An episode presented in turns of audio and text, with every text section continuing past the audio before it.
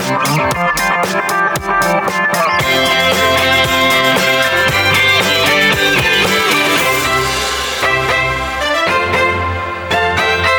og verið velkomin í kaffe og konubókustofu. Katrín og Anna eru mættar í þriðja þátt hlaðvarpsins hjá, á konubókustofu og núna þegar við erum að taka hana þátt upp er fyrsti sunnudagar í aðvendu og við erum búin að vera að setja smá jólaljós á konubókustofu. Það er svolítið skemmtilegu siður finnst mér hér á Eirabakka. Árborg. ekki bara á Eirabakka, nei, við skulum hafa það á hreinu.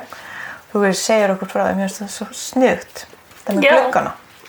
Þetta er þannig að eh, fyrirtæki og stofnanar í Árborg fá, geta fengið einn dag ja, fram að jólum í aðvendu, 1. til 24.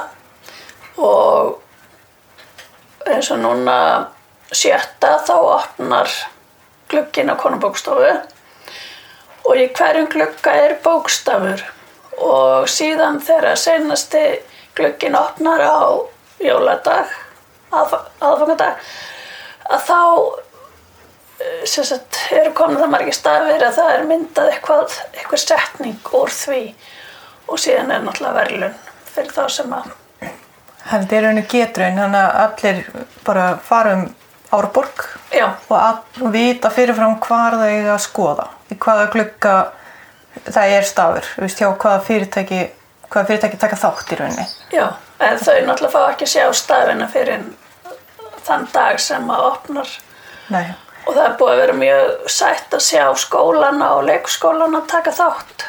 já, Og bókasafna og selfossi slær alltaf allir við. Mjög flott hjá þeim alltaf. þannig við hvetjum bara allar til að taka rúnt um Árborg, Já, svona á aðvendinu og það er allavega hægt skoðu jólaglugga. skoða jólaglöka þannig að þarf ekki að hérna, vera í samskiptum við neitt til þess Nei, getur bara nei. tekið rúnt og, og hérna þannig já, þannig að það er að verða jólalegt á konumbókustofu og við erum með jólabók núna. Uh, við erum með Klettaborgina eftir Sólfu Pálsdóttur og Sólveig sendi konubókastofu eintak, árið eintak af bókinu sinni. Sem er alveg gullmúli. og það stendur inn í bókinni til konubókastofu með kærri kveði frá höfundi Sólveig Pálsdóttir sem er náttúrulega bara frábært mér finnst það geggja þegar höfundirnir er að senda bækurnar sínar Já, að mjög skemmtilegt. svo mikilvægt að þau séu til eintök mm. af því að konubókastofu er náttúrulega að varveita þessar bækur og verður vonandi á einhverjum tímapunkti komin með bækurnar eftir alla, Já, já. allar konur Vonandi. vonandi en Klettaborgin er sem sagt já eins og áður sagði eftir Sólfu Pólsdóttir og hérna ég veit ekki við getum kannski bara að lesa þess að standa aftan á og það stendur Sólfi Pálsdóttir var ungsend í sveit austur í Skaftafellsíslu og dvaldi í mörg ár sumalangt á bænum Hraun, Hraunkoti í Lóni. Segja má að tveir heimar hafi búið í Sólfi alla tíð.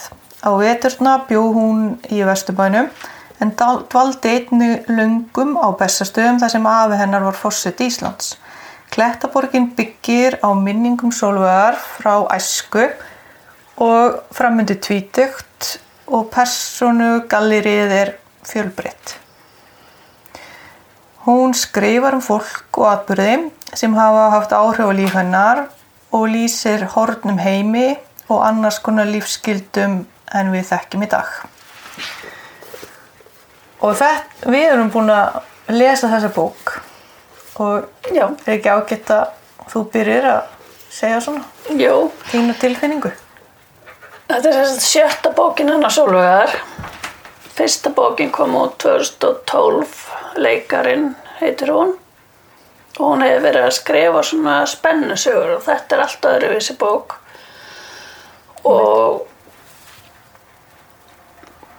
ég veit ekki hvort að maður segja svo leið sem minnst hún ofsalega falleg og segja mikið frá hvernig lífið var hérna áður.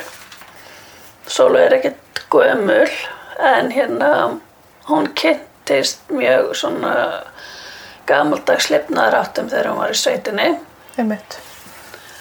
og hún er líklega, ég veit ekki, þessi eða með þeim setni kynnslóðum sem að fara eru send svona sveit.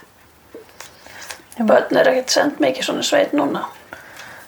Mér finnst líka áhugavert að, að hérna, hún er bara fimm ára og finnst það er mjög magnað að hún er bara fimm ára þegar hún fer fyrst í sveitina og er send með hérna, læknisjónunum í flugi bara og maður bara hugsa því að maður já, sér fyrir sér fimm ára gammalt mm. barn í dag og, og einhvern veginn, næ það er ekki verið að senda það í sveit en svo er þetta bara samt gert allt með svo góðu og þetta er, hún er ekki að fara í sveit út af að fjölskyldan hafa eitthvað þú veist það var til nú peningum og nú mat og allt heimahjóðinni þetta er bara af því að þau voru í rauninni ekki óþeik nefnum bara til að upplifa í rauninni eitthvað nýtt og af því að fólkið í sveitinni reyndist mömmunar svo vel að hún vildi í rauninni bara Mhm. leifa öllum og öll sískinarnar fóru og tvöldu í sveitinni þannig að þetta er svona ég sagði að hérna, að, já, einmitt fallegt og það er einmitt það sem að maður hugsa líka þegar maður sé kápun á bókinni. já, meitt Hún vakti strax aðtikli mína því hún er svo bóslega falleg. Ég er eftir Þorbjörg og Helgu Ólafsdóttur og það segja svolítið mikið til um tilfinninguna sem maður færð við að lesa bókina. Hún er ofsalega falleg. Já, því bókin er, er mitt, þetta er svona fangar augað, að þetta er svona, þessi, þetta eru vantalega íslenskar jurtir sem eru framan á bókin. Já, svona mjög litrikt á Mjög svörtu lit- grunni. Já, þetta er svona og öðru í en, en hérna, já. Já, það er gott að koma við hana. Já, líka, sko. Þetta er svona tilfinning í þessu einhver. Já. Ég er líka búin að hlusta hana á hljóðbók og var mjög spennt að því ég held að Sólveig læs hana sjálf. Ég hefði kannski langað svolítið að heyra í henni. Já, já, já. En hún er alveg mjög vel lesin, það er ekki það, en ég langaði svolítið að heyra í henni. Já. Hún er náttúrulega leikari að ment. Já, myndi hún segir í bókinu um hvað það var hérna þrennt sem hún að langa að verða þegar hún yrði stór og, eða fullorðin og það var hérna uh, ljósmóðir uh, leikari og hvað var það þriða, varst það? Bóndi, bóndi, já, Bóndi, já. og hún fór það standa líka mjög flott uh, hún fór í starfskynningu á hérna fæðingaheimilið þegar hún er grunnskóla og hérna og ég held minnir að vera það tvo daga og fyrir daginn var svona freka tíðindalítið en samt áhugavert en setni daginn fengu þær að vera viðstattar fæðingu. Og hún nefnt lýsir því að hérna, það hefur verið svona eitthvað svona í lífin hennar aðtök sem hún það gleymist aldrei En mér finnst líka mjög sérstakt að hugmyndin um að vilja vera ljósmóður koma þegar henni fannst svo áhugavert þegar lömpin voru að feðast í sveitinni. Einmitt. Og fekk að hjálpa til við það. en svo er alltaf einmitt mjög margar bara skondnar sögur í sem hún segir frá eða þú veist bara sem að þetta er náttúrulega, sögur en lífið hennar. Að hérna bara því sem hún lendir í sveitinni og eins bara í kringum að vera alveg upp á heimili sem að það sem að er svona já, hugsalega pólitík og, og hérna hvernig er komið fram við eða þannig af því að þau eru svona alltaf afinnar er fórseti á einhverjum tímpundi og svona, já, og þetta, hún bjó í þetta heima erlendis og þetta er svona mjög, mjög ólíkir tveir heimar Já, mjög forvitnilegt. já, lífin er Reykjavík og svo í sveitinni að, og líka svo fallegt sambandið við fólki í sveitinni sem talar um, hún heldur því Já. sambandi við það til að hérna, og skrifa hann svo falleg um sveitina mér döðlangaði til þess að fara austur og sjá Já, nákvæmlega. Og svo, já, allan eins og ég skildi rétt þá er hérna, einu bókunum hennar gerist þarna á þessu svæði. Já, Refurinn. Og ég myndi, mann, ég er búin að lesa það bóku og það var mynd, mann fannst mjög áhugavert og líka þá er þessu líst öllu sem svo mjög svona afskektu Mm. og þannig að mann langar svolítið að taka rundt hana og skoða. Kannski ég var það eftir. Já, vonandi. Vonandi. Og vonandi í byrtu. Ég fór þarna í sömar í, í ansa mikill rigningu og mjög þungskið og þá sá maður ekki dvolega mikið. Nei. Það eru oft þókað. Ég, ég veit ekki þá. Ég hef bara langað að segja það. Það eru mjög oft þókað. Þannig að þú veist. En Ég hérna, hef ekkert í mér, fyrir mér í því.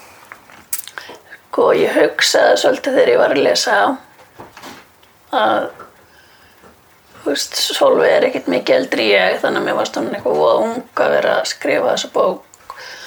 Glemdi því samt alveg að við værum eitthvað starf í kringum 60 aldurinn við vorum náttúrulega bara 30 en hérna en mér finnst hérna bókin líka vera mjög svona flott sagfræðileg heimild. Þú veist, ég myndi vilja kannski að stelpan mín myndi lesa hana og sjá hvernig, þú veist, að því að ég er það gömul að ég kannast við svo mikið af því sem hún á að skrifa um en það myndi, þú veist, yngri kynnslóðunar ekki gera. Nei, einmitt. Það ætla bara, já, það er örugglega bara alveg rétt. Og Þetta er einmitt, ég held líka að þetta getur bara verið skemmtileg lesning fyrir bara allan aldur þannig séð, einmitt eins og segir það sem eru yngri bara að vita hvernig lífið var fyrir ekki lengri síðan en þetta samt. Mhm. Af því að það er margt svona sem er öðru í sig.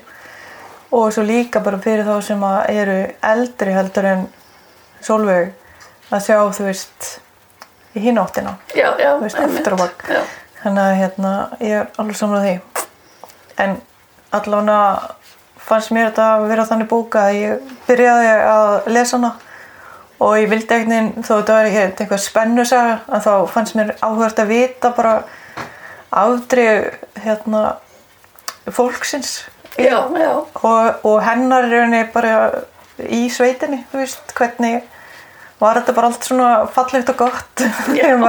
Þessu er kannski búin að hérna svolítið marga sögur um einhvern sem er sendur í sveit þegar hann hérna lendir í einhverju slæmu atlæti eða eitthvað gerist. En þetta er bara pínu svona eins og hérna kápan á bókinni já, já, Veist, þetta er bara fallegt já. eða það er svona mín tilfinning svona að, já, það er líka þetta gaman bara- að lesa þetta svona stutt nýtt með þær kaplar. já, einmitt það er maður er einmitt bara maður snöggum einhvern kapla og það er, ég veist það Það er er svona- kostur og enga langlokur þetta er bara svona, Bara flýtur. já, mjög vel Þannig að við mælum eindrið með þessar bók.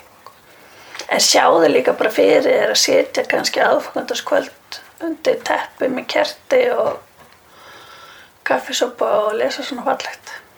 já, Það ég, er svolítið gott í myrkrinu. algjörlega ég myndi, já, ég get alveg séð það fyrir mér og bæti við smá konfekti og þá er þetta alveg Já, orðið já, já. full en Í ég, rauninni eins og blómin á svarta bakgrunninum. Þú veist, hún, bókin getur líka virka þannig á okkur í skamdeginu. Já, algjörlega. Það er svolítið svona eins og uh, hérna, blóminn sé að koma upp úr, upp úr hérna, kápunni. Já, Þannig að, já, ég veit ekki, við allavega setjum nú líklega bara mynd af kápunni með þegar við setjum þetta lofti þannig að fólk geti svona gert sér þetta í hugalind og svo mæla vestu þau get ekki komið við hana? Já, og kannski ekki gott að mælast til þess að fólk fari mikið að koma við bækur í búðunum akkurat í dag en, en hérna kannski eftir tvær viku verður það í lagi Já, já. eða þrjár. Ég er eitthvað meira sem við viljum Nei, segja um þessa. ég held ekki. Ég vil heldur ekki taka ánæginu frá fólki sem á eftir að lesa hana. Nei, einmitt, það er náttúrulega líka það að við viljum ekki segja, þú veist, allt sem gerist í þessar bóka en hérna eins og sé, mér finnst það bara mjög mjög bara, já, mjög svona, mér varst þetta bara svona áhrifarík. Og Já. ég fekk svona svolítið svona e, já, ég, það, það kveiknur svona tilfinningar hjá mér við að lesa þessu bók. Að hérna, af því að myndi þetta var mjög einlægt, fallegt og einhvern veginn, já, Svona með namni eitthvað neginn. já, algjörlega þannig að við mælum með Klettuborginni Já. báðar Og bara takk fyrir sendinguna Solveig. Já, takk kærlega fyrir að, hérna, það er gaman að eiga fá þessu bók á samni. Þakka fyrir í dag. Já, bara takk fyrir.